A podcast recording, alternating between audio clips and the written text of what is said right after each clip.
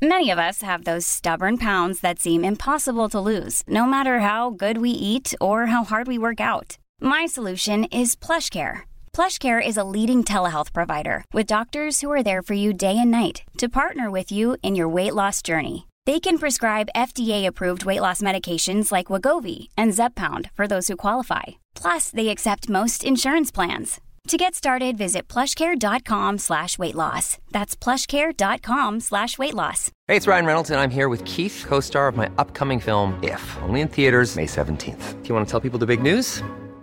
All right, I'll do. Sign up now and you'll get unlimited for $15 a month in six months of Paramount Plus Essential Plan on us. Mintmobile.com slash switch. Upfront payment of $45 equivalent to $15 per month. Unlimited over 40 gigabytes per month. Face lower speeds. Videos at 480p. Active Mint customers by 531.24 get six months of Paramount Plus Essential Plan. Auto renews after six months. Offer ends May 31st, 2024. Separate Paramount Plus registration required. Terms and conditions apply if rated PG.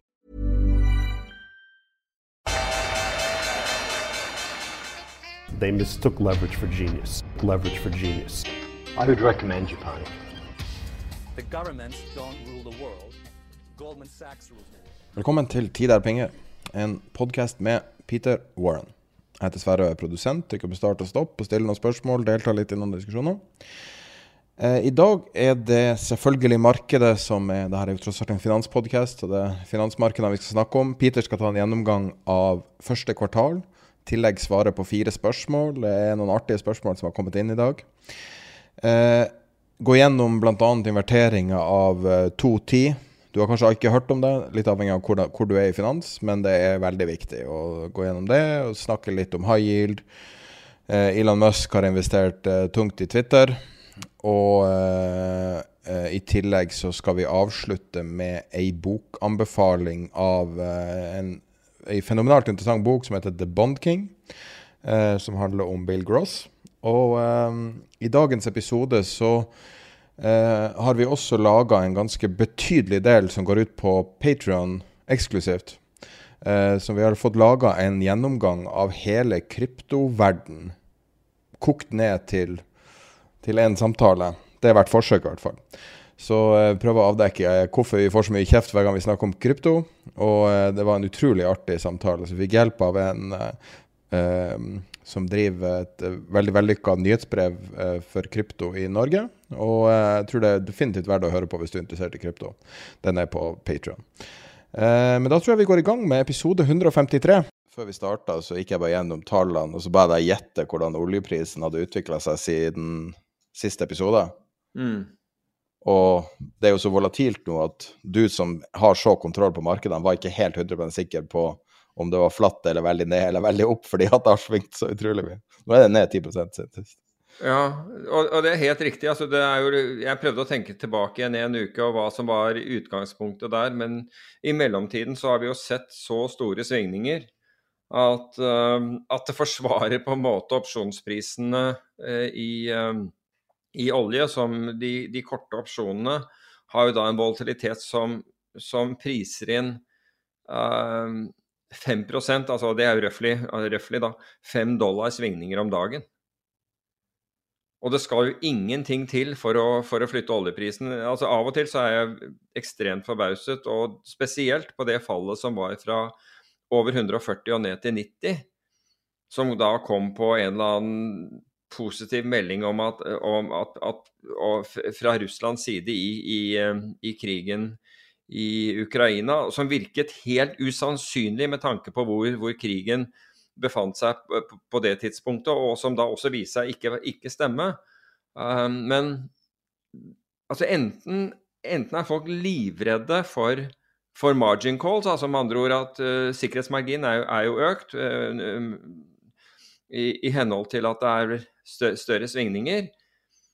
Ellers så er, ellers så er og, og, det vil egentlig være det samme, at folk har voldsomt store posisjoner og må bare komme seg ut med en eneste gang så fort det er en, fort det er et, en eller annen av, avvikende nyhet.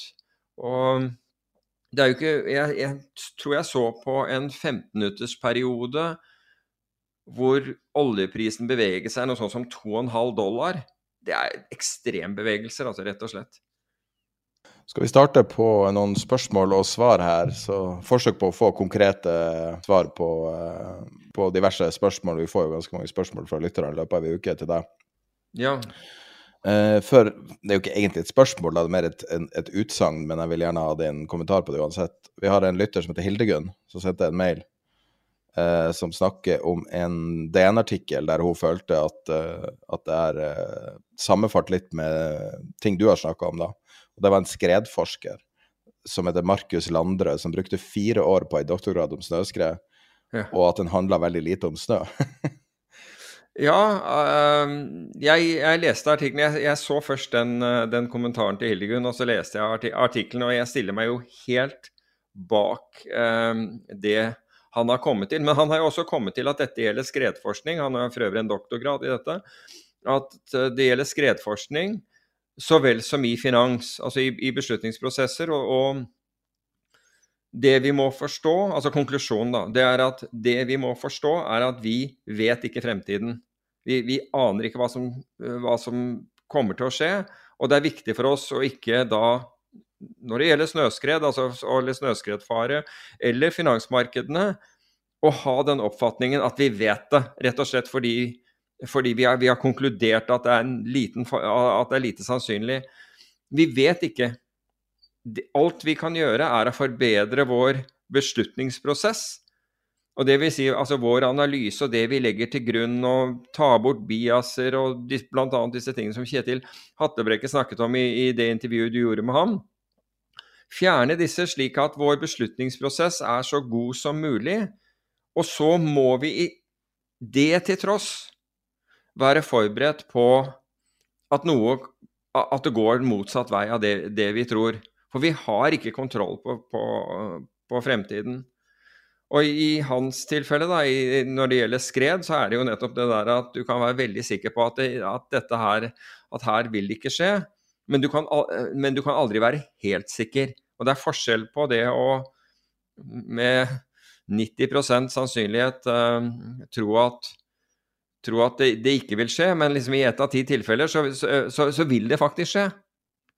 Og det må vi være, være forberedt på. Og jeg syns at det var tankevekkende i så måte, altså både forsterkende, veldig bra eh, som, en, eh, som en forsterkning, i, i forhold til å, til å ikke tro på noen som helst tilfelle, både i tid og, og av eget arbeid, at man er suveren.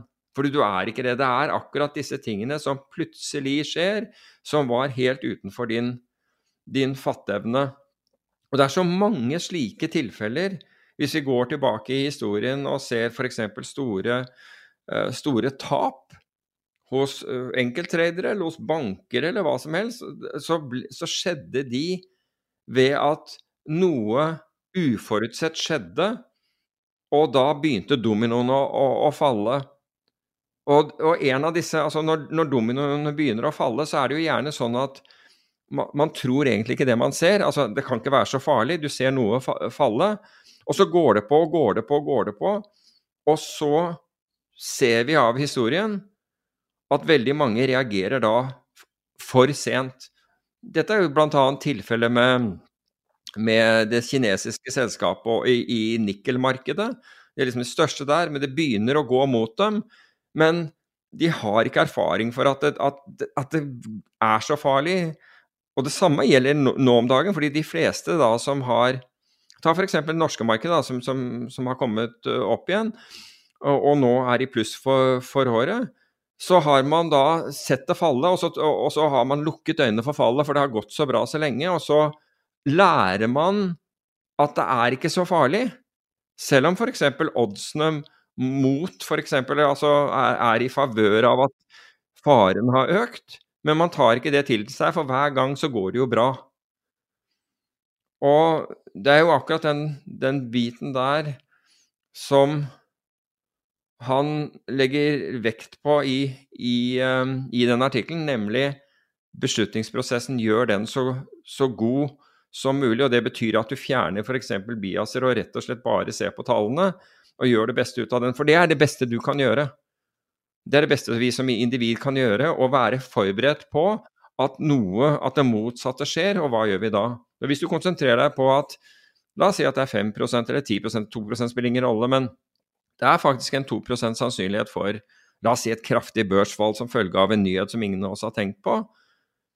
Å ha den planen klar for hva gjør jeg da? Det er akkurat samme som skiløperen som har en plan, han er i et område, og så her skal det ikke komme skred, og så begynner det å rumle over han. Hva er planen? Hva er det jeg gjør da?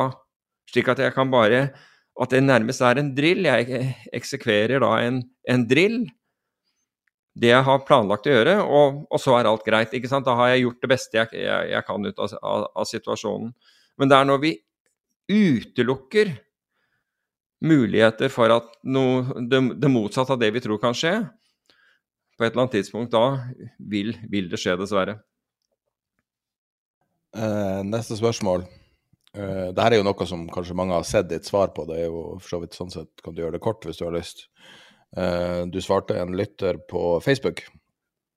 Kan du hedge bensin? Han spurte om diesel, da, men jeg la til bensin. Kan du hedge bensin- dieselprisene med futures?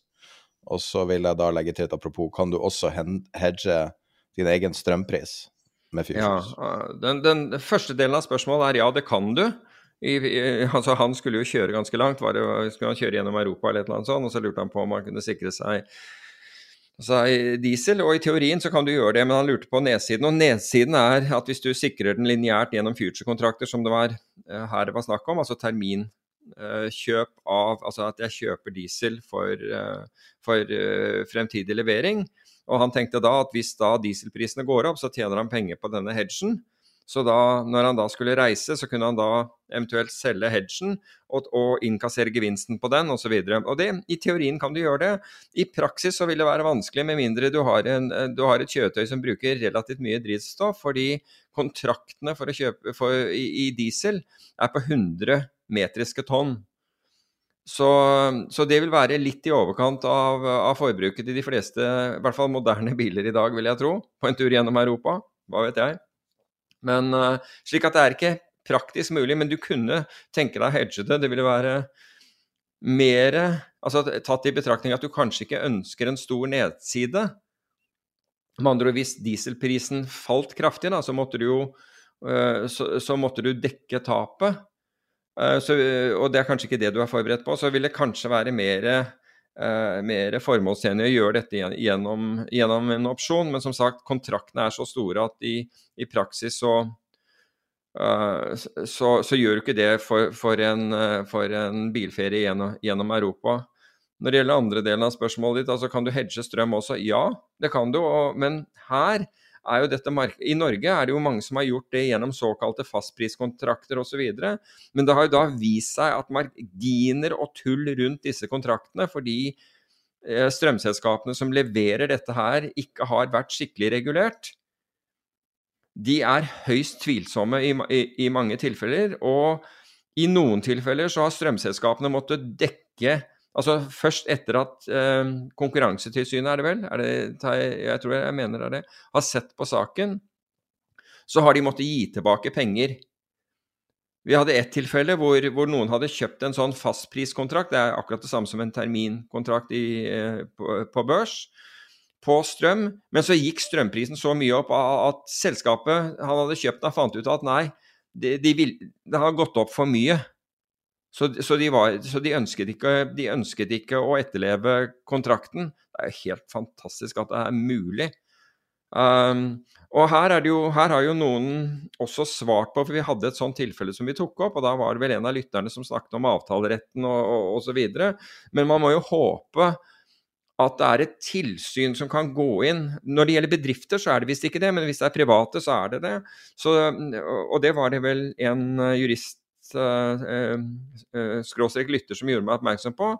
Så hvis det var bedrift, så, var, så gjaldt avtaleretten. Mens hvis du var privatperson, så, så ville du få hjelp av, av et tilsyn. Så det har, vært, det har, vært, så murky waters når det gjelder det. Og bl.a. hvor man har blitt tilbudt veldig billige strømavtaler som plutselig har konvertert til vanvittig dyre strømavtaler også. Så her skal man være veldig forsiktig. Men i teorien og i prinsippet, ja, det kan du. Du kan hedge, du kan hedge strømprisen din. Men i, i, øyeblikket, da, med høye strømpriser, så vil du da selvfølgelig hedge til, de, eh, til markedet i dag og da, eh, avhengig av hvor langt ut på kurven du er, så, så er det om, om, strøm, om forward-prisen i, i, strømmarkedet er høyere eller lavere enn dagens kurs osv. Kan jeg pitche deg en idé da, som eh, kom på når du begynner å snakke om å hedge bort eh, hverdagsinflasjon? Um, kunne man ha laga et produkt og solgt det ut til forbrukere som er en økte priser-hedge? Uh, vi har jo tidligere lista opp at uh, en normal husholdning kanskje har 10-15 pluss 1000 ekstra i kostnader i, uh, i måneden. Mm. Og da kunne man jo sett Jeg husker ikke alle de faktorene vi tok med der, men det var jo um, Det var jo blant annet bo, altså lånerente, det var matvarer, bensin, diesel, mm. strøm. Det var et par, par, andre faktorer. Tror du det hadde vært eh, praktisk mulig å gjennomføre sånn, et sånt produkt? Ja, jeg tror at det, et sånt eh, produkt kunne, kunne lages, ja. Altså, det, det tror jeg. Um, så, så, vil, så, vil, det gå på hvem er det som kunne lage et. Altså, typisk så har banker vært de som har satt sammen sånne strukturer, men da vet du, og, det, og, og dette har ikke endret seg, det var for øvrig en artikkel om det senest i dag i Financial Times, er at banker altså, tar høyere marginer enn noen annen. Det er mer kostbart å, å, å, handle deres produkter enn noe annet. Men for private å gjøre det, så vil det, være, ville det være vanskelig. Men man kunne jo tenke seg at et finansforetak Men det, det, skjer ikke i Norge, fordi de tjener for mye penger på andre ting. Så det er ingen som gidder å, egentlig å sette opp en, en sånn. Fordi du vil ha forskjellige ting med motpartsrisiko. Du, du, skal hedge dette produktet. Du skal da kjøpe inn f.eks. futures på, på, disse underliggende tingene som du, du sier. Når det gjelder matvarer, så, så, vil du kanskje ta noen av de eh, korn og kaffe og, og, og, de tingene i en eller annen form. Men du ville jo, det ville vært interessant, fordi du kunne sette deg ned og se hva er, et, hva er, hva er det en husholdning bruker eh, penger på når det gjelder matvarer, og så prøve å dekke det. Altså det er klart at Dette må, måtte gjøres i, i, i en ordentlig sum for at noe for at det skulle være noe poeng, og så bryter man det ned i småkontrakter som man selger ut da til, uh, til, til forbrukerne. Men svaret mitt er jo at ja, det, det, ville være mulig. Absolutt ville være mulig å lage noe sånt noe. Litt som ei leveforsikring i stedet for ei livsforsikring, på en måte? Ja. Ja, faktisk. Det var, det, det var egentlig et godt, en god, eh, et godt navn på det, ja. Um, hvis du jobber i finansforetak har tenkt å gjøre det her, så kommer vi til å gå aggressivt juridisk verks hvis du da lager det etter hvert episoden. så, bare sånn apropos. Um, hvorfor tror du folk i Norge ikke virker så veldig stressa rundt det vi ser av vanvittig volatilitet i finans over hele verden? Rett og slett fordi det, det gjelder Det har så langt hatt liten effekt på oss her hjemme, her hjemme som, som i, i, Norge. Blant annet fordi um, Blant annet fordi børsen, altså, eller børsindeksen, da er så uh, rik på eller Det er et annet uttrykk. altså Det har så stor andel av selskaper som faktisk tjener på høyere uh, fossilpriser og høyere kraft, f.eks. Uh, priser. Gjødsel, f.eks. og, også som et, som et eksempel. Så børsindeksen i Norge altså I forrige episode så snakket vi om uh, hvorfor volatiliteten i f.eks. det amerikanske aksjemarkedet faller når det er krig. Og, det, og, og, de to faktorene der var at én, krigen er ikke på, i hvert fall har ikke vært på veldig, veldig mange år på amerikansk jord. Og punkt to er at det sprøytes penger inn i, inn i forsvarsindustrien som motvirker dette. Altså med andre ord, selskapene innen forsvarsindustrien går opp. For Norges del så har det jo altså Det er jo også en, en, forsvarsindustri i Norge, for all del. Men her er det jo er det jo nettopp at, eh, at selskapene som leverer kraft og, og, fossilt brennstoff, har gått kraftig til, vei, eh, til, til værs. Og som det ble nevnt, jeg tror var det Tor Christian Jensen som nevnte dette i forrige uke. altså Medianen av, av norske selskaper er ned på året, men indeksene gir et annet inntrykk fordi eh, på, nettopp pga.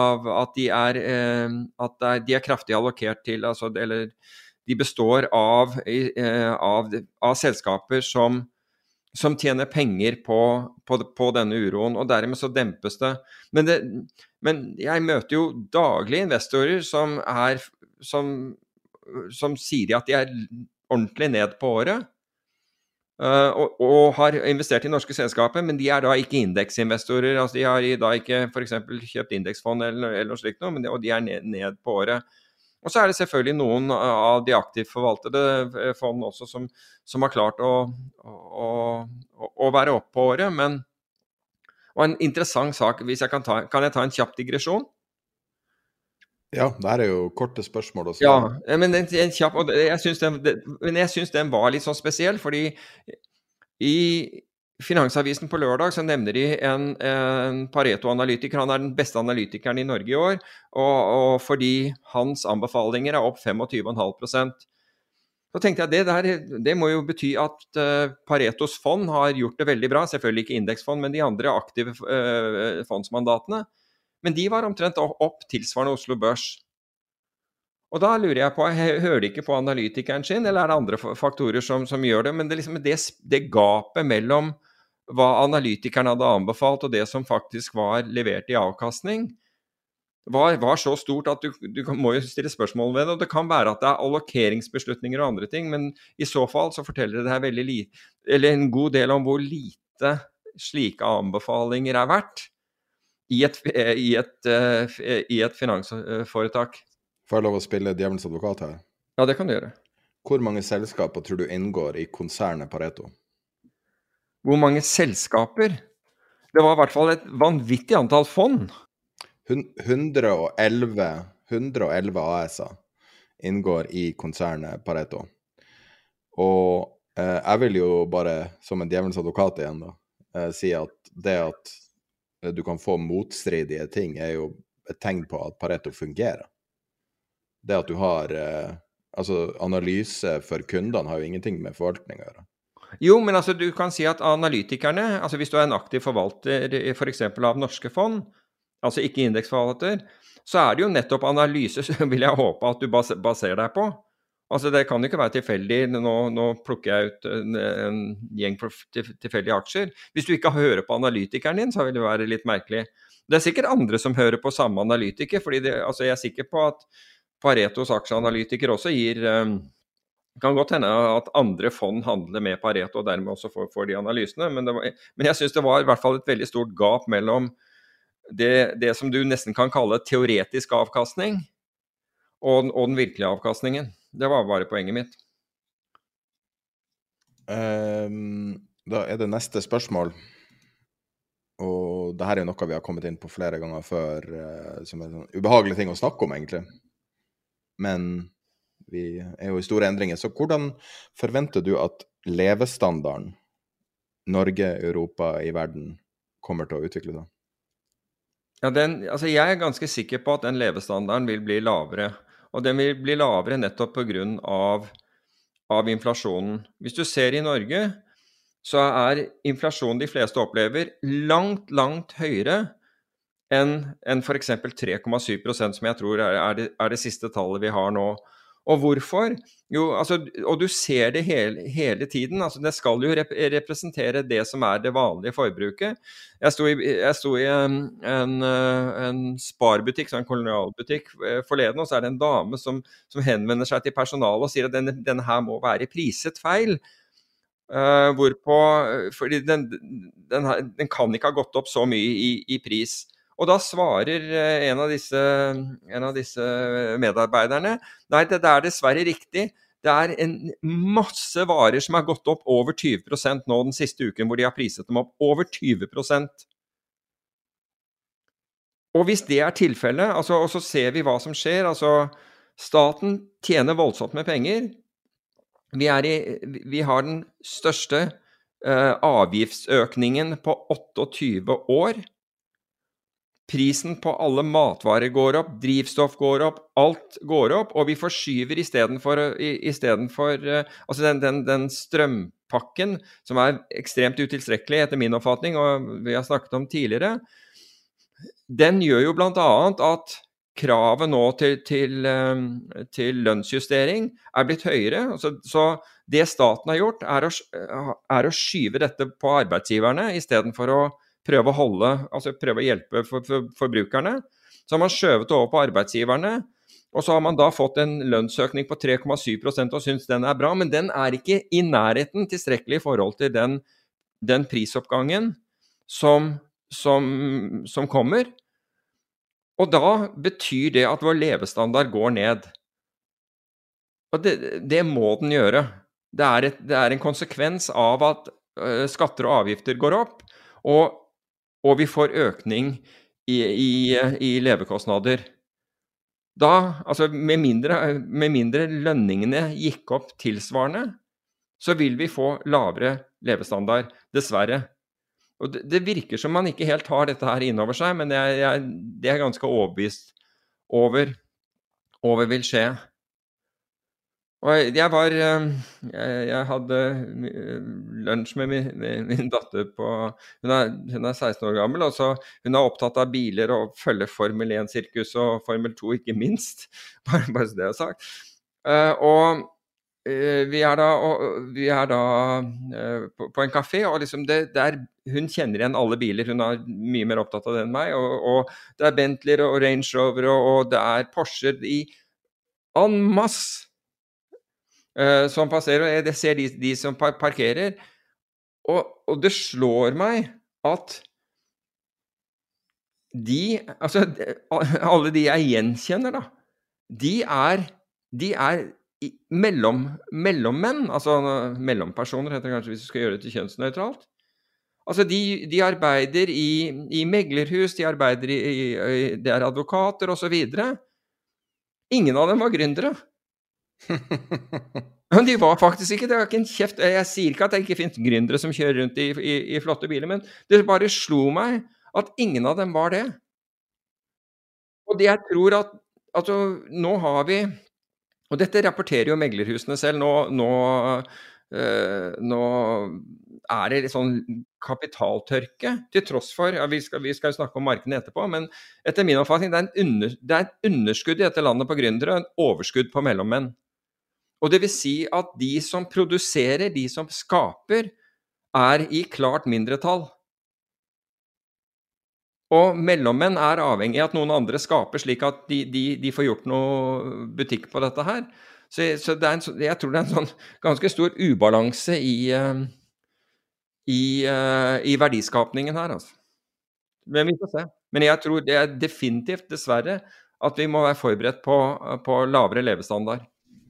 Som et litt apropos til det du sier også, jeg vet ikke om du så det, men det har vært eh, eh, Eller på generelt grunnlag så har jeg merka meg at det er veldig mye rykter rundt omkring. Det er rykter om alt mulig nå. Det er rykter om eh, ting som skjer i Ukraina, det er rykter om, eh, sånn som du sier, prisendringer og ditt og datt. Og nå har det vært et veldig stort rykte i Tyskland om eh, at eh, i dag, tror jeg det var, så skulle prisene på matvarer stige 20-30% across the board.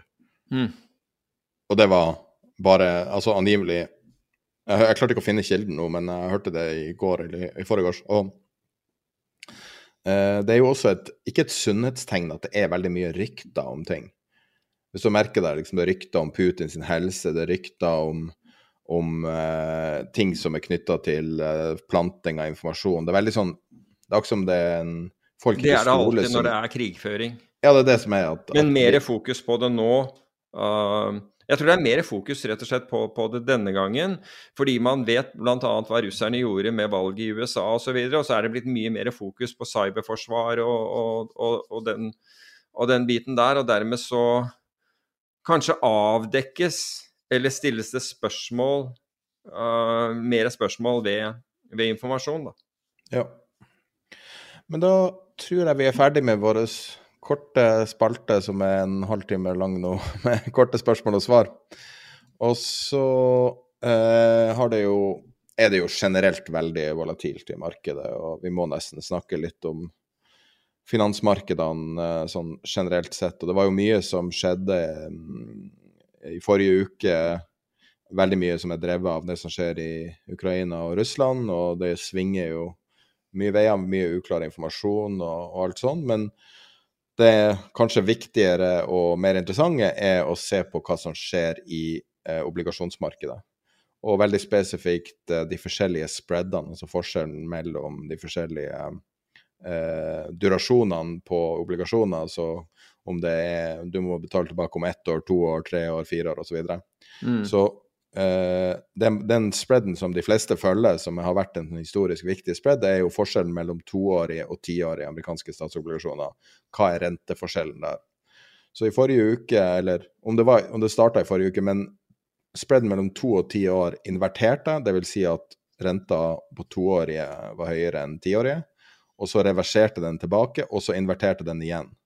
Og nå er den invers, eh, så det vil si at tiårig rente som amerikanske staten må betale, er 2,4% mens toårig rente er 2,44 Sånn at markedet sier da at det er kortere risiko i det, i det korte bildet.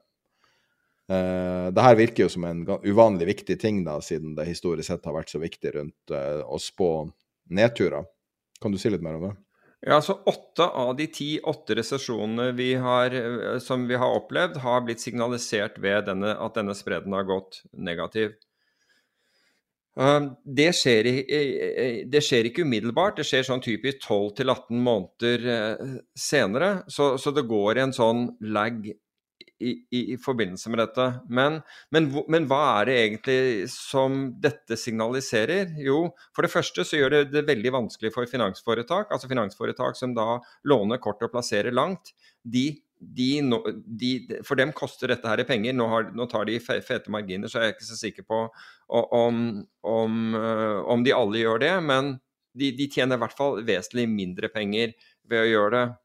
Ved, ved, at denne spredden inverterer. Det er det ene.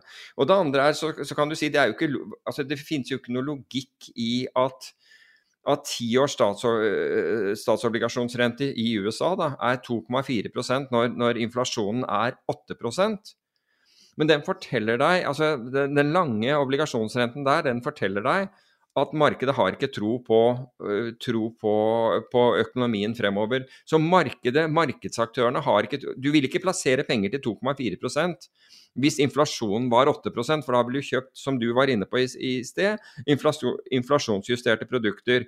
F.eks. råvarer og osv. Da, da vil du ha liksom puttet pengene dine der isteden. Men folk har ikke tro på det. Og hvorfor har de ikke tro på det?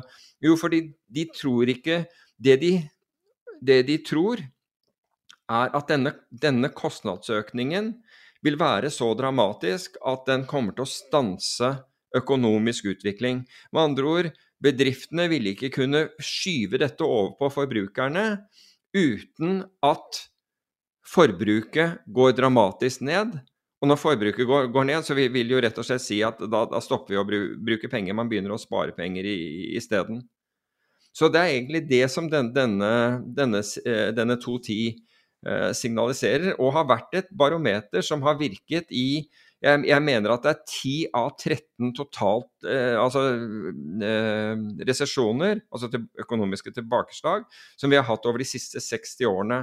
Så å gamble mot den kan være risikofylt. Man må jo huske én ting, da. Det er, jo, det er jo masse nyanser som er viktige her. da. Nå er den jo invertert på veldig kort tidshorisont. altså Den er jo ja, så vidt under null. Sånn at i realiteten er ikke det så signifikant. Men det, og, og måten man måler en invertert indeks på, er som regel over, over tid. At den er invertert over lengre tid. Så det er jo Altså Om den dipper under og går over igjen, så vil det kanskje ikke ha altså Det er ikke sånn at, at det er en eller annen magisk knapp man trykker på, og så er det resesjon. Nei, altså Poenget er jo for, for, det første at dette skjer etterpå. Man har jo brukt signalet ved at du har, du har sett at den har vært under. Det har vært nok til, til, at det forteller noe. Det er klart at det kan skje noe over de neste 12 18 månedene, men his, historien har fortalt oss at oddsene for det er dårlige. Og tilbake til snøskredet og alt dette her. Altså, du, altså vil du satse Hvis du visste hvis du visste at det var 80% sjanse for et snøskred i det området du, du, vurderer å gå inn i, eller 90% ville du gått inn i det området? Eller ville du tenkt at mm, kanskje ikke, kanskje jeg skal være mer forsiktig? Den snøskredhistorien er veldig forenlig med det Jamie Diamond sendte ut til kundene i det årsbrevet nå nylig. Okay. Jeg lurer på om det var i dag det gikk ut. Um, og det var en setning i den rapporten som, som sto ut litt. Uh, og han advarer da kundene over, uh, uh, over alle de risikoene som er i verden. Og det han trekker fram da, er han sier at vi håper på at alle de her tingene som er uavklart, kommer til å løses på en eller annen fredelig måte, både markeds- og geopolitisk og alt mulig. Men vi burde forberede oss for potensielle negative outcomes. Mm. Eh, sånn at, og, og, Jamie Dimon, som da er sjefen i JP Morgan, er jo ikke sånn Altså han er jo på en måte Av jobben, så, så er han jo eh, Burde han jo være optimist. JP Morgan har jo ligget langt fram i optimisme rundt korona. Jo, tok jo veldig tidlig standpunkt med at omikron f.eks. Ikke, var, ikke var så negativt, og fikk dem jo rett i. Har jo generelt vært veldig bullish. Så det at han advarer, burde man ta på alvor, tror jeg. Ja, det er jeg enig i. Jeg er enig i det. Og, og igjen, altså skal, man, skal man gå med det, på, med det, minst sannsynlige fordi det, minst, altså, e, ellers, eh, fordi det mest sannsynlige er ubehagelig for oss.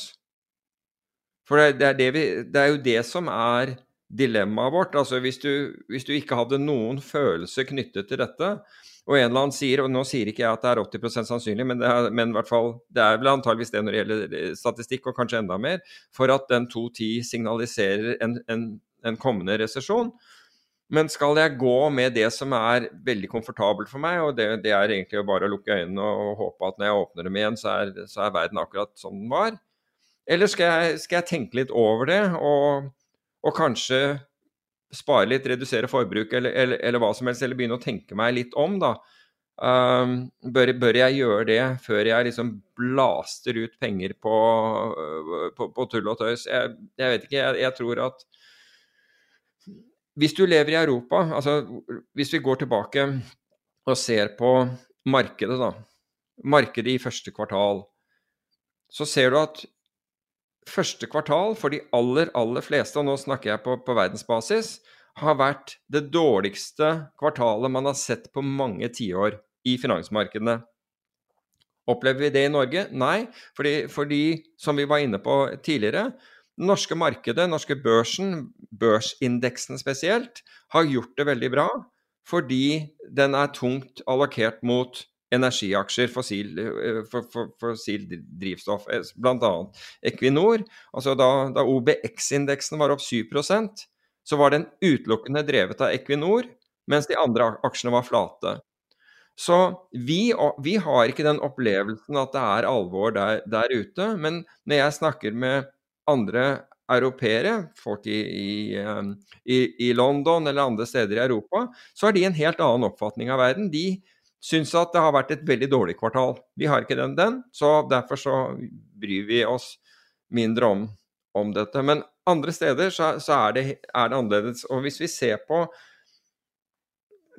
Bloomberg hadde en artikkel som, som sa at hvis du hadde en 60-40-portefølje som har vært liksom trygg gjennom alt som er over tid, altså 60% aksjer, 40% obligasjoner, det har, liksom, det har beskyttet deg i over lang, lang tid så er det, dette det dårligste, uh, dårligste kvartalet man har sett. Da vil du i beste fall være ned ca. 5% Og det er vel omtrent det som, som verdensindeksen er ned, hvis jeg, ikke, hvis jeg ikke tar helt feil. Den er røftlig ned 5, 5 i år. Hvis du ser til USA, altså, og, og der, kan jeg, der kan jeg også si at det samme signalet som vi hadde i 2008, hadde vi i fjor. Men ingen gidder å bry seg om det. Ingen gidder å, altså Fordi da alt er bra, da gidder vi ikke å bry oss om det. I 2008 så begynte kredittobligasjoner å falle. Og hvorfor er det viktig? Jo, for kredittobligasjoner i en bedriftskapitalstruktur er vesentlig bedre sikret enn aksjer, som egentlig ikke er sikret i det hele tatt. Investment grade er de best sikrede obligasjonene. High yield er liksom i bånn. Og så under der finner du aksjer.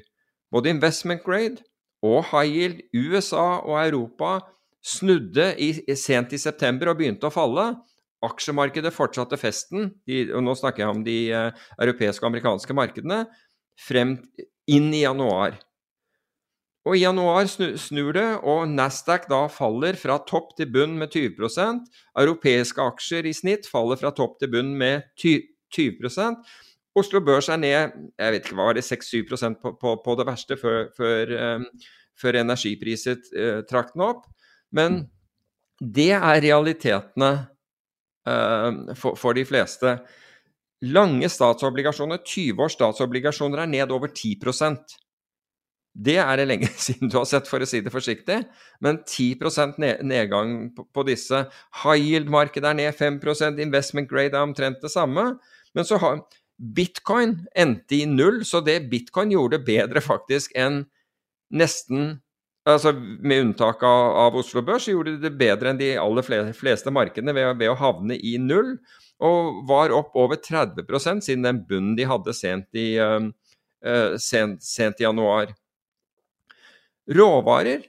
Hvis du hadde kjøpt råvare-ETF, altså den som inneholder rett og slett råvareindeksen, for du kan kjøpe den gjennom et børsnotert fond, så var råvarer opp 27% Olje var opp 45% Kraftmarkedet, altså strøm, var opp 112% Gassprisen, avhengig av hvor altså Du har, du har britisk gasspris som var opp 80% europeisk gasspris som endte opp 34 og så I tillegg til dette, hvis vi går over, så kan, kan vi se at kaffeprisen er opp 85% Bomullsprisen er opp 66% Hveteprisene er opp 59% Aluminium 57% Sukkerprisene er opp 31% Kornpriser, altså det er mais, er opp 30% Kobber er opp 17% Soyabønner er opp 10 Sølv er opp 1 og treve, treverk, altså eh, eh, tre, er, er faktisk, faktisk, ned 13% Men det er ganske interessant når vi snakker om at altså levekostnadene våre skal gå opp med ja, 3,7% og så ser du da at innsatsfaktorene til, til mat er opp, opp 30-60 da er det på tide at vi våkner opp, for å si det på den måten. Da, da er det virkelig på tide. Hvis, hvis, det er det du tror er, eh, er, det som kommer til å skje, da trenger du å våkne opp. Så vi, vi lever i en, eh, litt i en boble da, i, eh, i, i, Norge, og det er veldig hyggelig å være i den, den boblen. Men vi har sett i den boblen at tilgangen til kapital har gått ned. Meglerhusene har snakket om det var et norsk high yield-fond som måtte begrense innløsninger, fordi de fikk så mye innløsninger, de kunne ikke ta dem. Men de hadde i sitt prospekt, det skal, det skal sies, og det er ikke noe galt, fondet har ikke gjort noe galt, at de kunne at de, at de maks tok 5% av fondet hver dag. Og det skjedde da over et antall dager hvor det ble, ble innløst for å komme ut. Men det forteller deg at det er ikke høy likviditet, da, for å si, si, det forsiktig, og sannsynligvis ikke burde være daglig likviditet i, i den type fond. Men de håndterte det et, i, i, henhold til prospektet. Så dette er en, mer en beskrivelse av situasjonen som var på det tidspunktet, og, og ikke en, en anklage mot, mot, mot, mot, dette fondet. Men det forteller deg egentlig at grunnen under føttene dine driver og endrer seg, da. Og det, det syns jeg det er greit å være klar over. Det var mye å ta tak i. Om og, markedet det jo, uh, har jo vært en, en voldsom, et voldsomt kvartal. Men det er også en del ikke så intuitive ting som har skjedd, som kanskje har missa. F.eks. ARK, altså det ARK Innovation, det, det børsnoterte fondet. Det er opp 27% fra bunnen. Ja. Sånn at klarer du å treffe, så selv noe så uh, i nåtida da, upopulært som ARK har klart å prestere bra. og du ser en rekke lommer av avkastning, men det forutsetter jo at du har mer tørt krutt, da. Men ja, nettopp. Da, da, da, forsøker du å time det. Altså Ta Nasdaq, det har jo halvert, ned, eh, har jo halvert nedgangen sin, de òg. Ja. Det er ned 9% på året. ikke sant? Var, som sagt var 20% ned fra toppen. Er nå 9 ned, ned, ned på året. Men se nå, altså, altså sånn energi, liksom. Jeg, jeg, blir veldig inspirert. Nå, nå, er jo det her, Vi må jo også disclose at vi har hatt to sponsa intervjuer med Otovo. Eh, tidligere, for ikke så lenge siden, hadde vi ett. Og, og de snakker jo veldig mye om framtida. De er jo en, en framtidsorientert strømaktør, det at de jobber med solceller. Men de er jo i praksis i strømmarkedet, selv om altså i hvert fall litt. Og hvis du ser på dem og Fjordkraft nå, så, så har de skutt i været opp 42% i år, og Fjordkraft er flatt. Mm. Og de er nesten like mye verdt nå som selskaper. Tenk deg Fjordkraft, det enorme og, og, det var jo noe han fortalte meg før det intervjuet, og så pga. alt som skjedde med Ukraina, så ville vi ikke snakke om sånne ting. da, Men han fortalte meg at han, Andreas og Otova at de hadde, han hadde vedda med folk internt om at, eh, altså tidlig i år, da, før denne oppgangen, om at Otovo skulle være mer verdt enn Fjordkraft eh, før mai, eller noe sånt.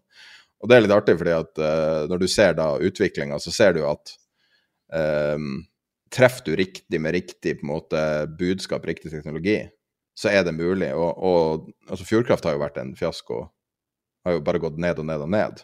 Og har jo på en måte slitt veldig og på en måte måtte bære mye av den negativiteten rundt strømmarkedet. Jo, men det har jo eh. også vært eh, rettet mye kritikk direkte mot dem. Det, det, det, skal sies uten at uh, vi har snakket om dette her på forhånd. bare så det... Ja, nei da, altså. Og, og det her er, altså, det er jo veldig viktig å disclose at vi har jo hatt et kommersielt forhold. Det er ikke noe vedvarende. Men uh, jeg bare syns det var interessant det der. Ja, vi, har vel aldri, vi har vel aldri hatt noe med Fjordkraft å gjøre, bare så nei, det ikke blir noen misforståelse her. Nei. nei, så det er eksplisitt. Det er ikke noe anbefaling. Men det var bare De står ut som en stor suksess, og vi snakker jo lite om Oslo Børs også. men jeg syns bare at det er inspirerende at på tross av at man snakker om liksom, at det er så mye dårlige startuper, det er så mye dårlige ting, så jeg syns Norge utmerker seg med masse veldig bra startuper. Og når du ser på Vi har jo også en annen som vi også har hatt et kommersielt forhold til uh, en rekke anledninger, som er, er Dealflow. Så når du ser de her forskjellige uh, prosjektene som kommer, skal ikke si noe om prisinga, det, det, har jeg ikke gjort noe analyse eller dypdykk på, men kvaliteten på det som er ideen og det som er prosjektet syns jeg eh, overrasker på oppsida. Jeg har vært i det startup-verdenen i mange år tidligere og har sett veldig mye startuper. Og jeg syns det var som for liksom fem, seks, syv år siden, syns jeg det var, det var begredelig å høre hva som var norske oppstartsfirmaer. Mm. Mens nå så syns jeg det er masse inspirerende. Vi har jo hatt et intervju, et kort intervju med Seneta, det der tankselskapet, eller det eh, mm. transportselskapet. Det er mye, det er mye sånn, folk som gjør ting som Én ting er å tjene penger, det er noe én av faktorene med å drive et firma, men ikke nødvendigvis det viktigste. Ofte det viktigste er jo det du berører samfunnet med. Og jeg syns mange av de her firmaene her har en veldig sånn positiv touch med samfunnet. Altså, de er i touch med mange ting. Ja, altså jeg, jeg, jeg hadde et det var, det var, fredag morgen Nei, fredag ettermiddag, tror jeg det var. Da hadde jeg en conference call med et hedgefond som driver innenfor uh, fornybar energi.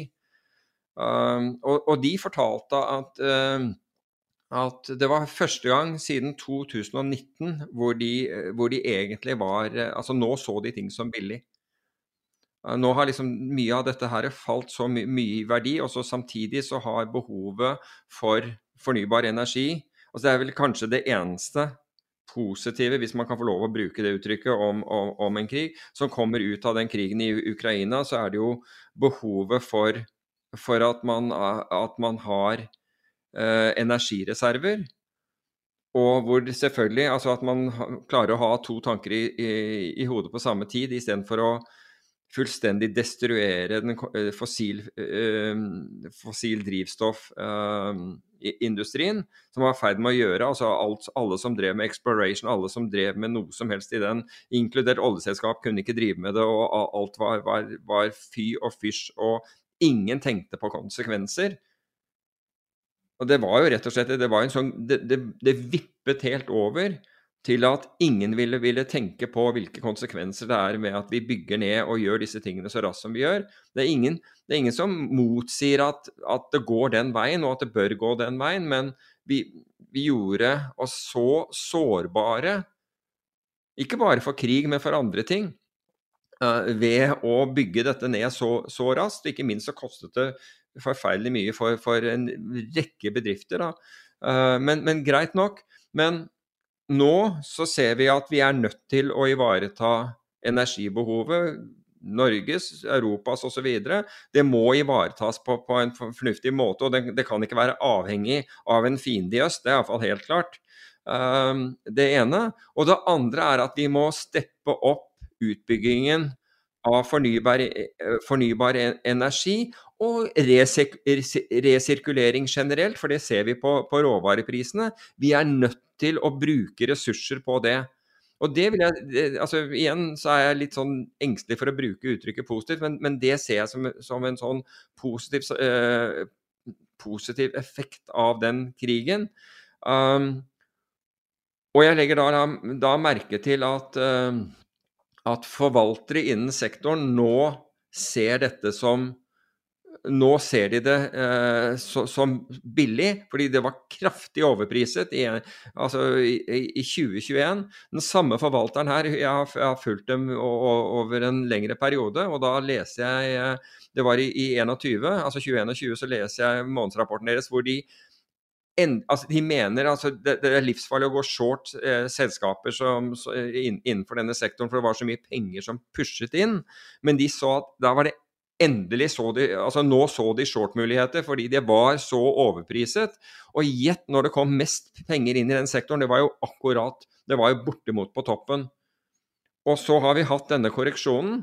Men, ingen, men jeg, jeg, tror at vi får en, en renessanse av, av, alle disse selskapene. Akkurat som de tror at, nå, at det er billig. Både nå er det kommet ned på fornuftig prising, samtidig som etterspørselen industrielt og, og fra in, in, investorer vil øke fremover.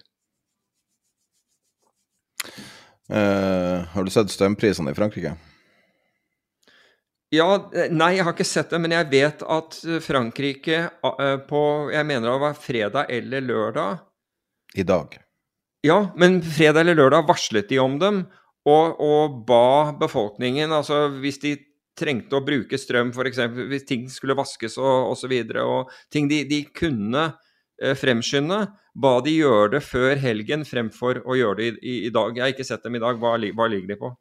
Eh, mellom syv og ni så ligger de på 2000 Altså klokka syv og klokka ni i dag 2800 euro per megawatt-time. Eh, det betyr at en dusj hvis jeg skal bruke det der dusjeksempelet til avisene, så tror jeg at en dusj er kanskje 500 kroner. Jeg skal anslå. En dusj er 500 kroner?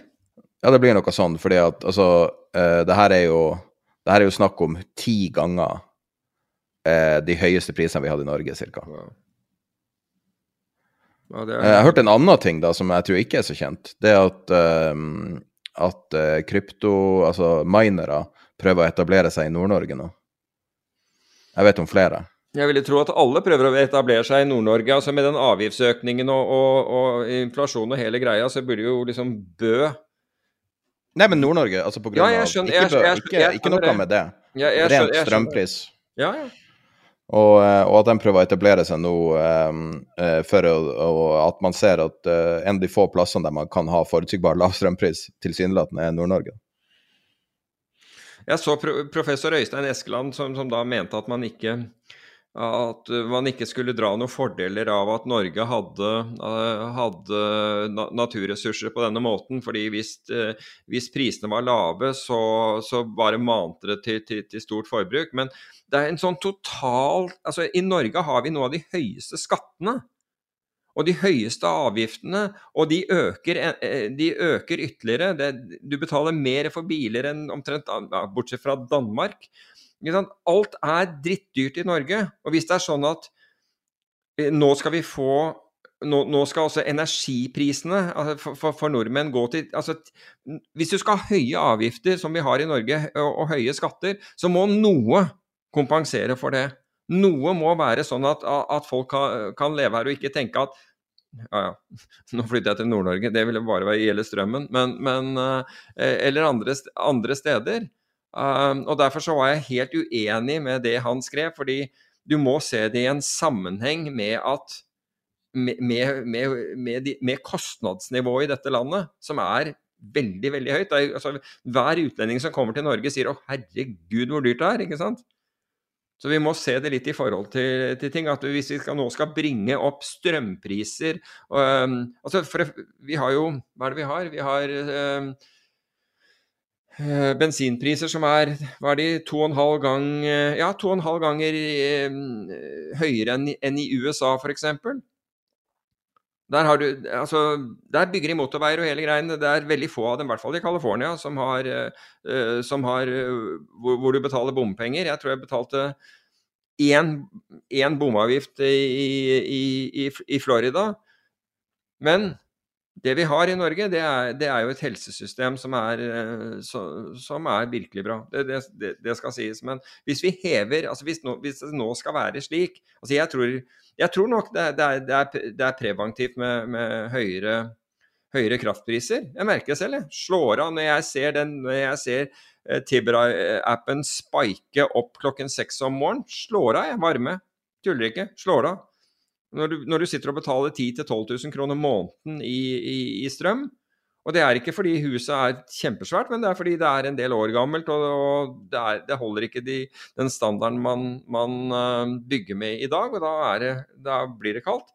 Men gjør i hvert fall det man, det man, kan. Så jeg tror at det er selvfølgelig det at du ikke får strømmen gratis betyr noe, men at, at det liksom skal fullstendig blakke befolkningen, det tror jeg ikke er en god idé. Altså. Det, det, tror, det tror jeg er en sak som er underkommunisert og underforstått i samfunnet. Jeg tror det ble en rant, det. Ja, det ble en rant. Det var ikke egentlig ment å være det, men sånn var det. Jeg kan bare nevne kjapt, vi sender ut i nyhetsbrevet som går ut etter uh, episoden, en oversikt over uh, verdi... Uh, nei, altså verdipapirklasser, altså ty type verdipapirer som slår inflasjon. Det er et spørsmål jeg har fått flere ganger, jeg vet du har fått masse ganger, som er hva er det man skal Altså hvordan inflasjonssikrer man seg? En måte er jo å investere i ting som bare stiger veldig mye. Det er jo en måte å sikre seg mot inflasjonen uh, uten å være så veldig uh, komplisert. Og Morgan Stanley lagde en oversikt fra 2009 til altså så langt i år uh, på hva som slår av verdipapirklasser som slår inflasjonen. Mm. Og i 2020 var det nesten alle. I 2021 var det under halvparten, og i år er det kun commodities som klasse som slår inflasjonen year to date. Ja. Så basically alt, uansett hva du eier, faller i verdi i eh, reelle termer. Og så er det på en måte menneskeskapt i en stor grad. Nå sier jeg ikke Ja, det er jo menneskeskapt en krig òg, selvfølgelig, men det er menneskeskapt fordi det har vært så lite in, in, investert i råvaresektoren at uh, altså prisene har vært lave. Og, jeg skjønner jo det, og når prisene er lave, så, man, så ønsker man ikke å investere i, i sektoren. Og det er klart at når du hva var det det var i Norge? Det var jo, Bønder gjorde jo dette her en periode hvor de lagde golfbaner istedenfor å dyrke. For det var, ikke sant? Fordi det, det lønte seg bedre å, å, lage golfbaner. Nå sier jeg ikke at det er det som har skjedd over hele verden, men, men vi har ikke altså Blant annet da, altså det fossile, men det ikke bare det, det fossile. I rekke råvarer så har vi så, så, er det ikke blitt investert uh, uh, mye i. Og hvem er det som faktisk har investert? Og det er jo liksom det som er interessant her, hvis vi ser et geopolitisk uh, lys. Det er bl.a. kinesere som har kjøpt opp massevis av råvarerettigheter i, i Sentral-Afrika. Så de har vært forutseende nok til å skaffe seg, skaffe seg tilgang til, til, råvarer, mens Vesten har liksom gitt stort sett gitt beng nedover der. Uh, skal vi snakke om en gammel eh, podkast-favoritt som ikke har fått så mye oppmerksomhet? Elon Musk.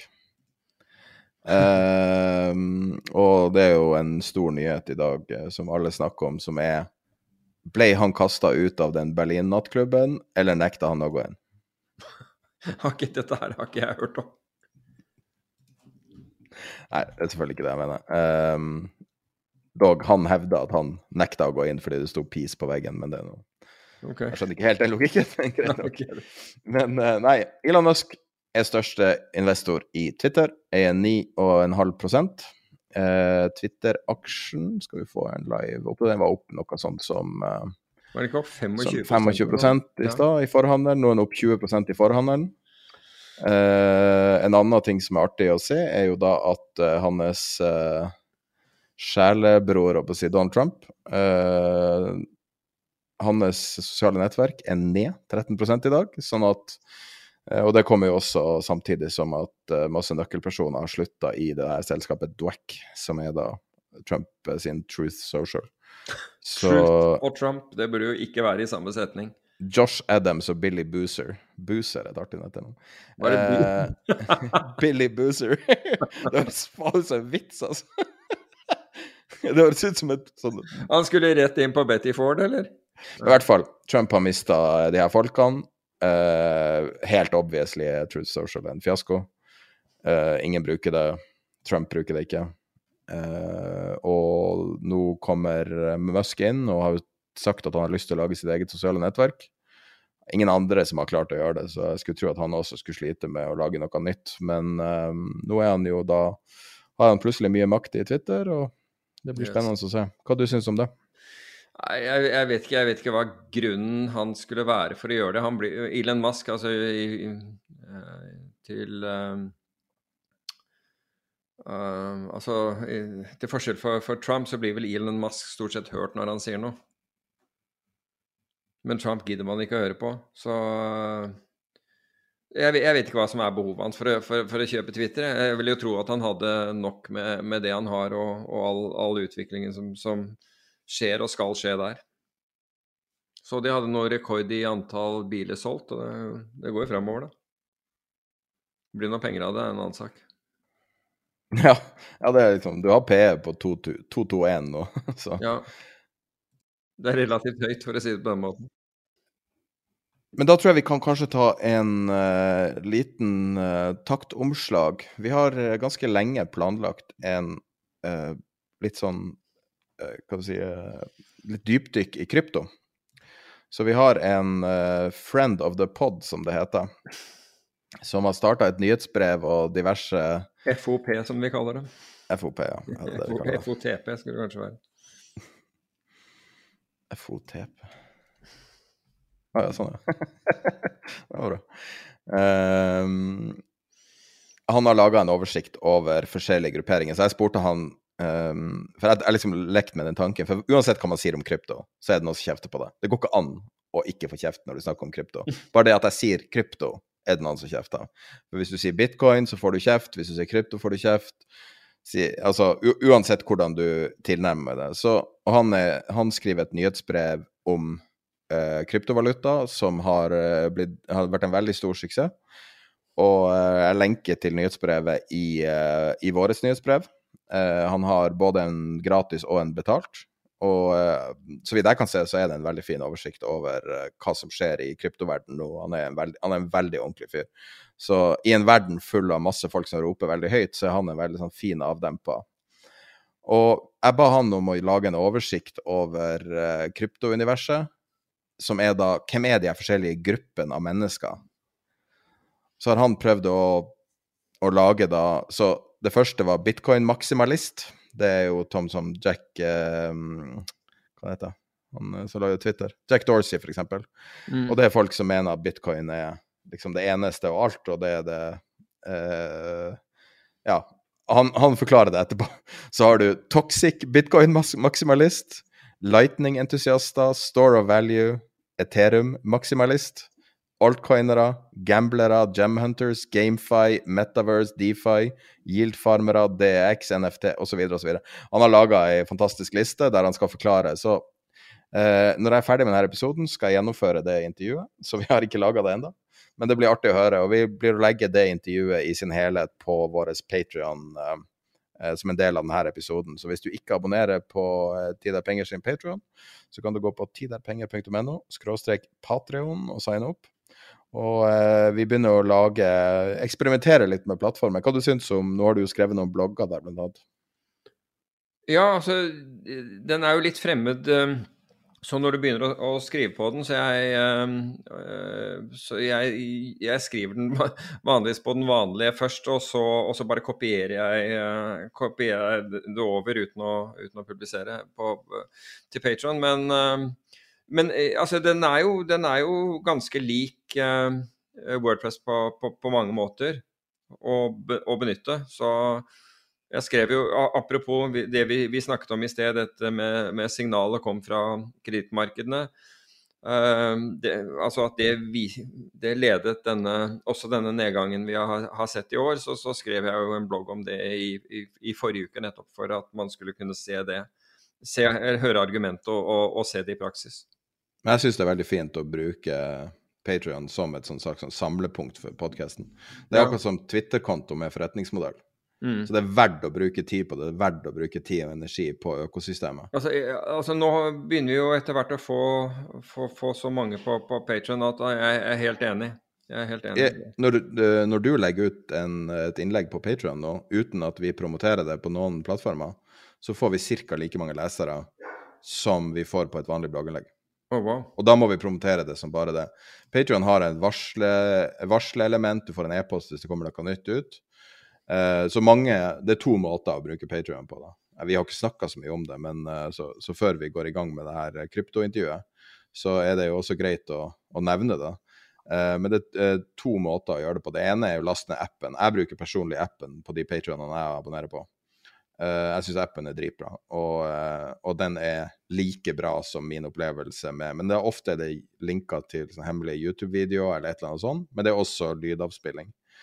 Men i tillegg så kan du også, når du signer opp, så får du tilgang på den uh, Patrion-RSS-en, som betyr da at du kan ta den linken du får eh, tildelt når du signer opp, og så kan du gå inn i uh, den podcast-spilleren din og bare lime, altså bare søke med linken, linkadressen i søkefeltet, så vil du få opp eh, vanlig, sånn at du får inn Patreon-podcasten som vanlig i, i din eh, podcast-spiller. Du må ikke, sånn som med Podme eksempel, så må du gå inn og laste ned en app, og det går ikke an å høre det utenom appen. Mhm. Så det som er fint med Patreon er at det er et åpent system. altså Det er jo et tillitsbasert system, selvfølgelig er det det. Eh, vi jobber jo hardt for å lage tid og penger og alt rundt det. Eh, men det viser jo også at den tilliten eh, føler jeg fungerer gjensidig. da. Og også responsen har vært helt vanvittig på, på alt det, altså, i positiv forstand. I tillegg er det ganske mange som har signa opp på 1000-nivået, som skal få tilsendt vest nå. Så uh, nå er Ja, vi jeg så det. Jeg så det. nå er de her vestene, så må, hvis du ser en uh, sånn tid er pengevest in the wild, så vet du hvordan det kommer. Men det er kommer ikke til å selge dem. Så eh, hvis du signer opp på 1000-kronersnivå, hvis du ikke har hørt det, da, så får du tilsendt en vest som, fra, fra Swix, Mm. som koster 1000 kroner, for så vidt. så, men eh, eh, det, vi ber om dine, din postadresse direkte i chat. Men uansett, Patrion Patreon har funka veldig godt for oss, og, og jeg tror det har vært litt mer med å inspirere Alexander til å lage det nyhetsbrevet han gjorde om, eh, om krypto. Eh, sånn at det, det har funka veldig godt, vet jeg, for han, og det gjør at han har tid til å lage skikkelig bra innhold. Ikke sant? Sånn at Jeg vet ikke, jeg føler at det her er en sånn moderne take på å konsumere, konsumere innhold. Ja, altså jeg prøver å venne meg til, eh, venne meg til dette her etter hvert. Jeg, og, altså jeg var jo den som var sen, altså som måtte overbevises veldig om dette, og, men og, og hadde den største, definitivt den største friksjonen og motstanden da, mot, eh, mot dette. Men jeg må jo si at uh, det har blitt gjort til skamme. Til de grader, vil jeg si. Ja. Nå skal vi ikke snakke mer om Nei, men vi skal ikke snakke mer om Patreon, men det var bare litt sånn, litt sånn opp... Jeg føler at på en eller annen gang må vi ta den gjennomgangen med hvordan man bruker det, så nå har du fått det. Mm. Eh, også i tillegg så får du de episodene uten all form for reklame, og, og også det her klippet kanskje, kanskje ikke er der. Men eh, ehm, da tror jeg vi går i gang med intervjuet med Alexander, der han forklarer alle de her um, uh, forskjellige eh, mikrokosmosene i uh, kryptoverden. Og det her er kun på Patreon vi kommer til å legge det ut. Vi har jo også en bokhandel som vi um, har uh, utvikla sammen med Gyllendal og deres system som heter Pocket. Eh, og den siste boka fikk vi inn i dag, og den er ganske heftig. Den heter The Bond King som handler om eh, en legende som de fleste kanskje ikke vet hvor en legende han er. Hans eh, mystisisme er, Folk kjenner han som en raring, men jeg tror veldig mange ikke kjenner historien om han. eh, eh, og, og Bill Gross var Jeg vet ikke om han var grunnlegger, men var leder av Pimco. Som var Han var, en av, han var en av eh, stifterne, ja. Ja. Mm. eh, verdens største fond for eh, det var, det var, var den verdens største fond absolutt på et Ja, tidspunkt? han ha, ja, eh, altså eh, Pimco Total Return, som eh, Bill Gross eh, forvaltet, det toppet altså Nå husker jeg ikke helt, fordi det er noen, det er noen år tilbake, men var det ikke ca. 275 milliarder dollar? Det høres riktig ut. Så uh, de der uh, de selskapene som har masse ETF-er, altså BlackRock og, og, og, de, de har mer assets under management, men som et enkeltfond så var det det største på toppen. Mm. Uh, og, og, det var jo det var veldig mye drama. Var, han, har, han, har gjort, han, har, gjort, så mye rare ting. Han er jo en veldig spesiell type. så det har fått så mye fokus gjennom tida. Men når man ser på hva han har gjort, så er jo han eh, minst like viktig som andre sånne giganter i obligasjonsverden som, som har blitt mer kjent. Eh, og kjent for det de gjorde. Men vil, er du enig i at han eh, som eh, eh, Og det som kommer fram i boka, da. At, eh, at, han på en måte brakte litt av den energien fra aksjemarkedet inn i obligasjonsmarkedet? Ja, på den måten at, at hvis, du eksempel, hvis, du er en aktiv forvalter innenfor aksjemarkedet, så, så, så, må du virkelig jobbe for pengene. Altså, altså, hvis du er ordentlig aktiv. Ikke de som da eh, har 80 av, av porteføljen i indeks, uh, følger indeksen, og, eller 85 og 15 aktive. Men hvis du er en ordentlig aktiv forvalter, og det finnes noen av disse i, i, i Norge, så må du virkelig jobbe for å, å skape meravkastning. Og Bill Gross tok det til obligasjonsmarkedet, som var egentlig det døve markedet, altså i anførselstegn, hvor man bare kjøpte en del obligasjoner, og så fikk du liksom ut ifra hvilken, hvilken type obligasjoner du hadde, så fikk du den avkastningen. Han tok aktiv forvaltning til et nytt nivå innenfor obligasjonsmarkedet, og gjennom det så hevet jo han listen i forhold til alle andre forvaltere. Og det var ekstremt frustrerende for alle andre forvaltere, for de fleste hadde jo blitt vant til å bare sitte der og, og, og, og få honorarer, og, slapp å bli sammenlignet med noen. Men han hever listen, og dermed så får han også mer kapital enn noen noe andre, til han til slutt blir verdens største eh, forvalter. Og jeg husker at vi, vi møtte ham, altså, eller vi møtte Pimco og da forsto vi hvilket, hvilket, fond det var. Det gjorde vi i, i, i, i eh, interdealer-brokere. Og da, da, da, fikk du vite hvem som var på den andre siden av, av, eh, av handelen din.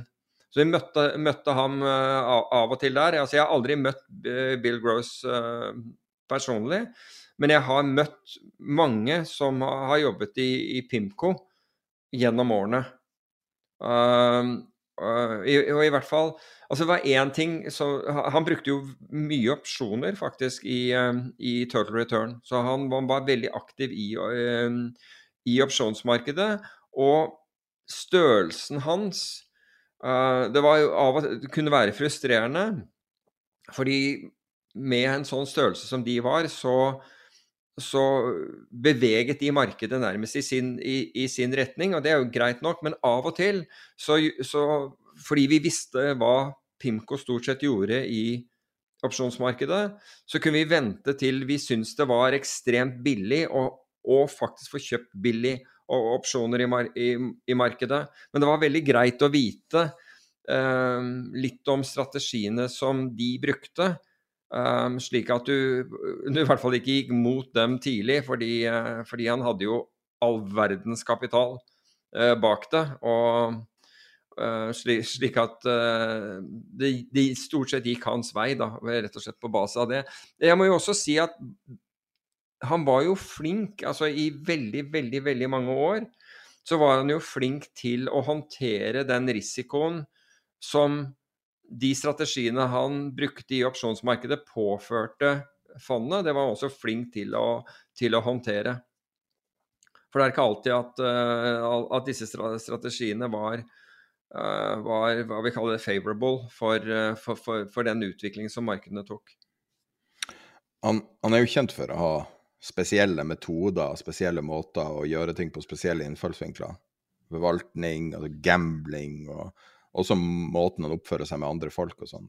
Ja, han var jo også black, altså han var jo i en bilulykke eh, som ung. altså Han var i en bilulykke hvor han fikk kappet av en del av hodet, tro det eller ei. Å herregud, seriøst? Ja, ja. Så han lå på sykehus lenge mens de liksom fikk han sammen igjen. Og mens han lå på sykehuset, så leste han Ed Sorps eh, bok. Altså Ed Thorpe, som senere kom inn i finans, men som var en kjent blackjack-spiller før det, som het uh, Beat the Dealer. Uh, så han leste den og lærte seg å telle kort. og så, Nå snakker jeg om Bill Gross, og så gjorde han det samme som egentlig Ed Thorpe, og, og dro på dro på kasinoer i, uh, i, Nevada uh, og spilte blackjack. Og, og, klarte å tjene penger på det. En ting som jeg hørte beskrevet, er at, at han, en av de metodene han brukte, var nettopp å liksom outstay his welcome. Nesten. Altså bare, bare være en stayer lenger enn alle andre. Bare holde ut. Fysisk holde ut. På bordet, mener du? Ja. Altså, du, du kan si at det er jo én måte Altså, den måten et kasino vet at du Altså, det er ikke forbudt å telle kort, men, det, men, men de, kan, de, kan, bortvise hvilke spillere de vil uten å ha kausal grunn, da, eller måtte oppgi kausal grunn. Men måten de avslører deg på, er jo at hvis du er kortteller så vil, altså For det første så satser du når du kommer til bordet, så vil du satse minimum innsatsen din, fordi du har ikke noe informasjon. Du spiller da en, en, noe som kalles basic strategy, og den er beskrevet både i boken til Thorpe og Revell og mange andre. Så er, er basic strategy er stort sett den samme. og Det, det går på hvilke kort du, to kort du får utdelt, og hvilket kort det ene kortet du ser at dealeren har. Uh, og Basic strategy tar deg nesten opp til 50 sannsynlighet. Det er litt under, men det er ved korttelling du går over. Altså at sannsynligheten går i din, din favør. Så måten alle som, som, driver egentlig og teller kort gjør på, er at de, når de kommer til bordet, så er det kun minimuminnsats. Og du, du, ikke sant? Fordi du, du, må betale rett og slett for å sitte der. Du kan ikke si at nei, jeg står over denne runden hvis det står andre folk bak og vil, ha, vil, vil spille. Så du må liksom dytte ut den og håper at du ikke taper for mye på det, mens du sitter og teller kort. Og det er først når den kortstokken som er igjen, er i din favør, veldig i din favør, hva gjør du da? Jo, da øker du, øker du innsatsen din. Og det er det the eye in the sky som alle, uh, alle som har spilt på kasino i hvert fall litt over tid, uh, refererer til. Altså med andre kamera som er over, og overvåkning av det bordet. Det er det de leter etter. De ser plutselig at det er noen som øker innsatsen, og så vinner de. Og så etter at de har vunnet, så går de tilbake igjen til liksom minimuminnsats. Og så sitter de der lenge med minimumsinnsats, og så begynner de plutselig å øke innsatsen, og så vinner de. Og det er det de ser der på. Altså, de ser på en som varierer eh, innsatsen sin. Altså går fra liksom helt null for å sitte der og begynner å, å, å ta den opp. Da det på en måte signaliserer en mulig kortteller. Og da ser de på hvordan dette her går. Og det, ingen bryr seg om om du vinner litt på et kasino, men hvis du begynner å systematisk vinne på kveldene, så, så, kommer noen og, og sier at, uh, at, de vil ha et ord med deg, for å si det på den måten. Og, og, og, det er helt greit. altså det er et ord, altså når de på den måten Jeg har kun opplevd at, at de har vært høflige, og da kan det være at de sier du uh, uh, vi, vi, vi, spandere, vi, vil gjerne spandere en middag på deg. Og da vil jo det være i restauranten til, til kasino, og middag med vin og alt mulig sånn. og, og sånn. Men etter det så vil vi at du, at du forlater eh, lokalet. Og Da mener jeg ikke at du forlater lokalet og så kommer tilbake igjen eh, ved lunsjtider dagen etter, men nå, nå, nå, nå blir du borte. eller ikke, altså ikke ta det på den måten, altså ikke kom tilbake igjen. Og hvis du, hvis du følger det altså Alle er høflige til å begynne med og sånt nå, og når man snakker om at liksom vold begått Jeg har aldri sett det, men uh, aldri heller ville trekke det til et sånt nivå. men Ehm, men du, du, skjønner når du får beskjed, og da er det greit. Og så sier det greit, og så tar du det der, og så tar du den komp, uh, som det heter, middagen. Det kan hende at de til og med gir deg et hotellrom og, og, alle sånne ting. Og så gjør du det, og så går du ikke tilbake igjen dit. For hvis du gjør det, så, kan, så blir du nok litt mer irritert. Um, hva du tror han, altså, med at, uh, Hvis du ser på hans utdannelse Han er jo utdannet psykolog, som overraska meg veldig mye. Ja, det gjorde meg også. Jeg var ikke klar over det. Og de sier, altså folk som har tilbrakt timene, sier at han, veldig, han, bruker veldig mye tid og energi på å evaluere uh, mellommenneskelige ting, altså oppførsel og, og, analyse av oppførsel, angivelig seg sjøl også. Jeg lurer på, Tror du det har vært en faktor i, i suksessen hans? Altså, nå, nå, sies, nå sier jo Bill Gross selv, ikke i boken riktignok, at at han, eh, at han lider av Asperger, og han var ikke klar over det. Eh, og bruker det som en forklaring på mye av atferden sin, bl.a. når han ikke kan se folk inn i øynene osv.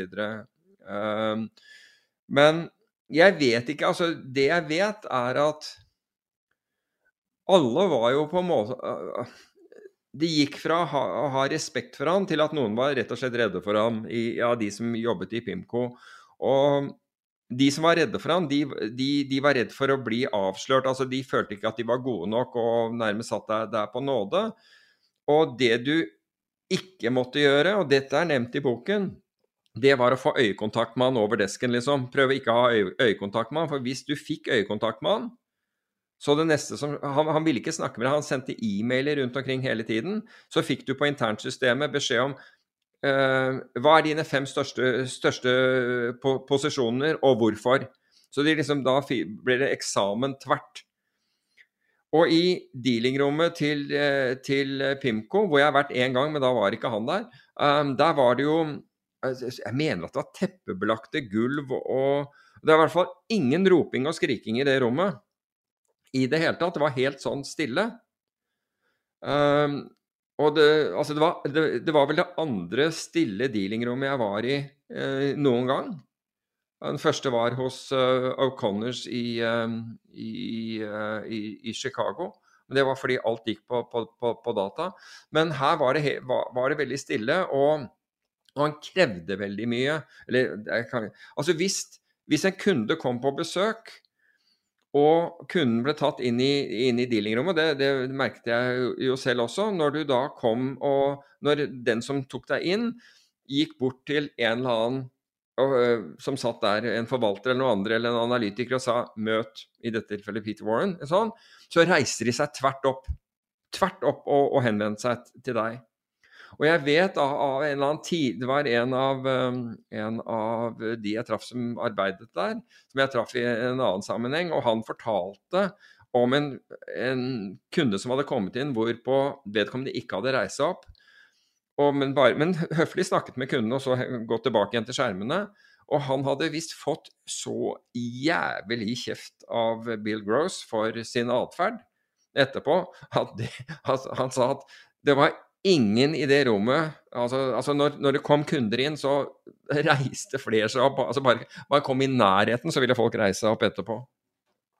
Så han Altså, Bill Gross fremstår jo både i boken og, og ellers som, som ganske eksentrisk. Men det jeg syns skiller liksom Pimco fra veldig mange andre forvaltningshus, det er at de er ekstremt opptatt av å finne merverdi. Helt ekstremt opptatt av å finne merverdi. Slik at de leser alle obligasjonsprospektene. altså De var jo primært i obligasjoner på den, den, tiden, og de hadde vel bare en liten tur innom aksjer eh, litt senere og, og valgte seg bort derfra igjen. Men var ekstremt opptatt av, av Så de går igjennom alt med prospektene, og de ville finne små ting i prospektene altså i, en del prospekter, som de da utnyttet til sin fordel i markedet. Og de ble ikke populære av det, men det var jo tross alt De gjorde jobben. Og innenfor da, de, da man startet med mortgage futures, og denne historien blir fortalt i, uh, i, i boken, så ser de en flå i hele systemet Hvorpå de kjøper opp, altså rett og slett gjennom Fusion du, du, kan, du kan kalle det en form for cornering av markedet, men dette er fordi rett og slett prospektet på disse futurene tillater det. Og skaper veldig merverdi for kundene gjennom det. Og kundene får da en mye høyere avkastning hos Pimco enn de får hos alle andre uh, forvaltere som egentlig handler i, i de samme produktene.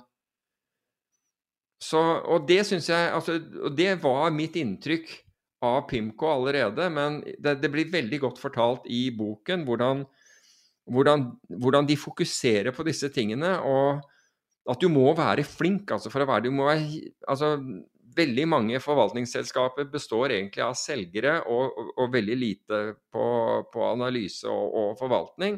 Her, og det, det er garantert uh, kunderelasjoner i, i uh, i, i Pimco også, men her er det liksom topp folk, og fokuset er på å skape disse merverdier i fondet. Altså det, det gagner dem selv selvfølgelig også, men for kundene. Men så har det jo vært betalt noen outrageous bonuser i, um, i Pimco. Bare så Ja. det er sagt. Og eh, boka vi henviser til, eh, The Bond King, skrevet av Mary Childs, anbefales på det sterkeste. Og vi linker til den i nyhetsbrevet også. Som Ja, altså bare for du får en innsikt i, i høy finans, altså, eller finans på et veldig høyt nivå. Um, og du får et innsikt i karakterene i boken, og selvfølgelig også det som da skjer i Pimco. Uh, Bill Gross var jo der i, i over 40 år. Før han liksom blir lempa ut uh, til slutt. Og det er jo erratic behavior så det holder uh, fra, han, fra, fra hans side. Um, han har jo selvfølgelig en annen versjon av det. Men uh, han gikk ett år av gårde med en bonus på 200 millioner dollar. Det var bonusen hans.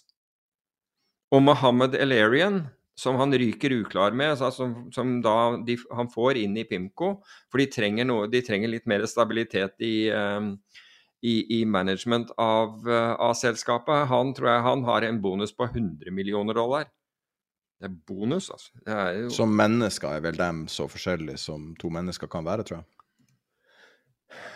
Ja, altså når du Hvis du hører på dem i snakke i i rolige øyeblikk, så egentlig ikke. Altså, jeg tror du har rett. Men når de, når de Hvis de holder f.eks. Et, et foredrag eller en, en innledning eller noe sånt noe, så, vil, så, altså, så er det ikke er de, altså, Bill Gross er mer teknisk marked, mens Mohammed Elarian er mer på økonomien og konsekvensen i marked. Så de er litt ulike på det nivå. Men de er begge veltalende og flinke til å beskrive det, den verden de opplever, og hvilke muligheter som, som, er det.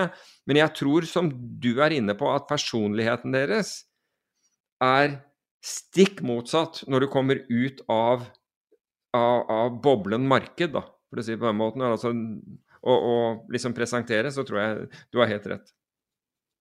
Jeg bare lurer på, når du beskriver, eller hvordan han blir beskrevet generelt, eh, Bill Gross, så, så, føles det som at han vet at han eh, Man kaller det vel det neurodivergent, som er da at han, eh, at han kanskje ikke opplever alle situasjoner som, som en snittperson i befolkninga pga. hans diagnose.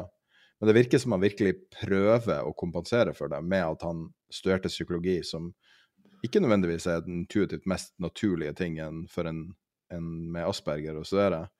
Og i tillegg det at han er så opptatt av det, syns jeg sier om hans intellektuelle nysgjerrighet er veldig høyt.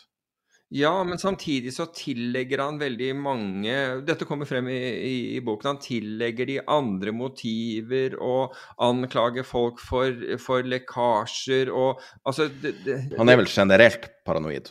Ja. Eller jeg, jeg, altså at i akselererende grad. Uh, altså At han hadde standarder Dette er en fyr som, som sto opp jeg tror halv tre om morgenen eller et eller annet sånt. altså Fordi du er på vestkysten av USA, så må du være veldig tidlig oppe for å, for, for å få med deg markedene når de åpner på, på østkysten av, av USA. Um, og, og, ville da trene om morgenen. altså Jeg tror han, han var Først drev han vel med og syklet på sånn spinningbike eller et eller annet sånt, og så gikk over til pilates og forskjellige så, sånne ting. Men han ville trene hver morgen.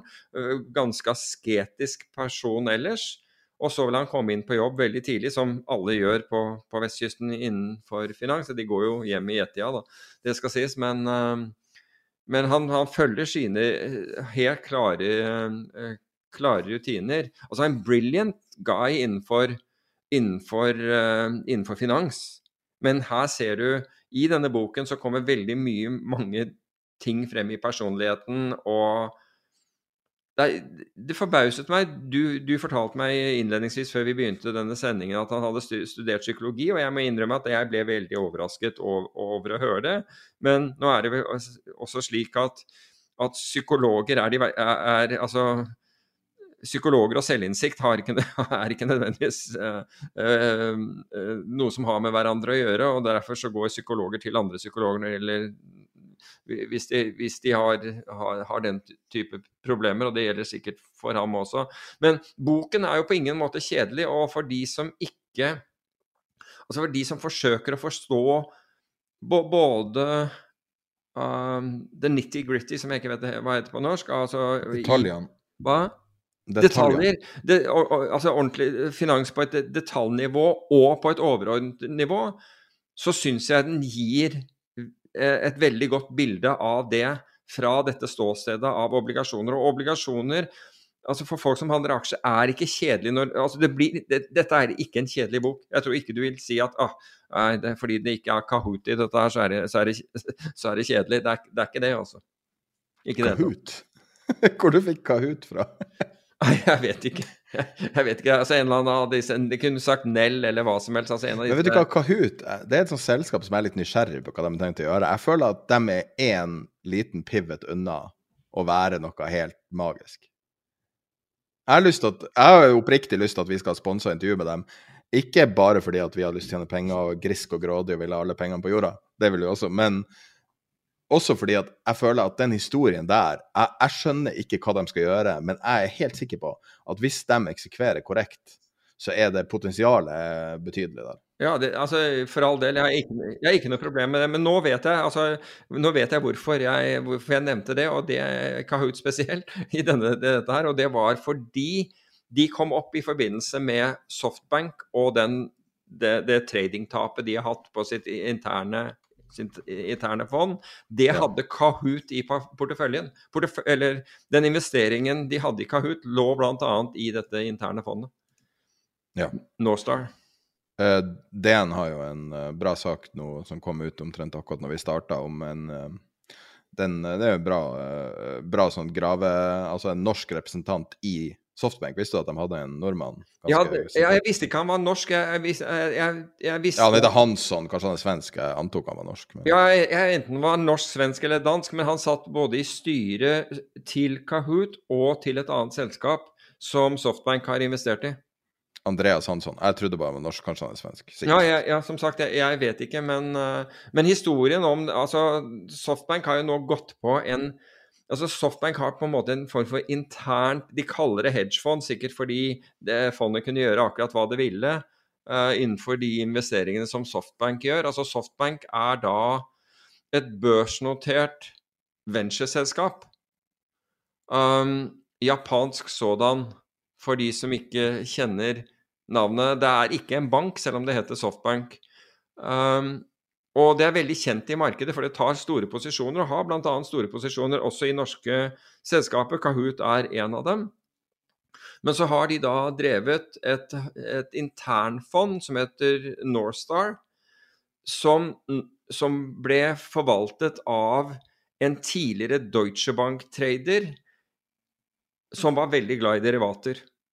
Og det er derivateksponeringen som har senka denne her som har senket dette fondet. Og man snakker alt om altså fra 6 milliarder dollar og oppover i tap. Um, så nå, altså nå har jo Softbank gått på en del smeller gjennom ja, det er de siste to årene, så har det ikke vært veldig mye positivt skrevet om Softbank. altså. Jeg skjønner jeg, ikke at hvis du er så uh, rik og altså, du har lyst til å ta den type risikoen Men det er jo kanskje det han kan, han uh, Mayoshi? Uh, ja, jeg husker ikke navnet. Um, ja, jeg, jeg, vet ikke. Men, men, det var Når du spurte meg liksom hvordan kom du på Kahoot, så, så var det ikke noe annet. Nei, det var ikke meningen, det var bare en digresjon, men jeg har bare tenkt mye på Kahoot. Uh, sett litt på Oslo Børs og sett på selskaper og ditt og datt. Og, og det, de aller fleste er jo altså det er jo ganske avklart hva de driver med, men jeg føler at akkurat Kahoot er vel mindre. Så er det noe som Autostore, som også Du føler at de kan med riktig eksekvering gjøre spennende ting, da. Jo, men Kahoot, er ikke det altså, Er ikke det disse greiene de har De har vel det produktet deres på skoler, blant annet? Men det er jo sånn som kan Altså, de kan jo gjøre en liten pivot med deres brukerbase, eller med produktet, eller med, som, som da kan kommersialisere det fryktelig mye, for det har vært et gratisprodukt som er problemet. ikke sant? Så jeg bare syns det er spennende. Jeg liker sånne caser der de har visst at de klarer å få det til å funke, Mm. men og så da må de bare vri det til å være profitabelt. Jeg føler at akkurat det produktet kanskje kan gjøre det med riktig Jeg, jeg vet ikke hva deres planer er, men uh, Nei, det var bare når du nevnte det. Mm. Men uh, på um, Jeg telte antall tastaturer på bordet til uh, Bill Gross. Antall fem. tastaturer? Men hvordan Ja, har du sett det? Fem, jeg ser på The Guardian hadde et bilde fra Ja. eh, kontoret hans. Han har en sånn U, et sånn U-bord, og så har han fem tastaturer, to Bloomberg-tastaturer og 15 stabler med papirer. oh, wow. Kanskje det er det som er løsninga. Veien til uh, Veien Ja. til uh, milliardene. Ja, kan være. Han har jo eget privatfly og hadde det med, mens han var i Pimco også, for den saks skyld. Wow. Tror du det er en fordel å, å, å, å ha asperger for, uh, i enkelte situasjoner? Jeg tenker på Du ser på suksessrike forvaltere, så har du jo Ja. en, en veldig Jeg, jeg, kjent jeg tror folk med, med, med, med den type diagnose har en evne til å fokusere og også utelukke masse støy. Så altså så, Sånn resultatmessig sett så kan jeg godt se at det kan ha fordeler, ja. Jeg vedder på at det er folk som har forsøkt å sette opp forvaltningsteam bare med asperger, f.eks. Det høres ut som noe som kunne ha skjedd. ja. Ikke, ikke de beste i salgssituasjoner, men, de, men de, jeg tror de kan være veldig dyktige som forvaltere, ja. Ja.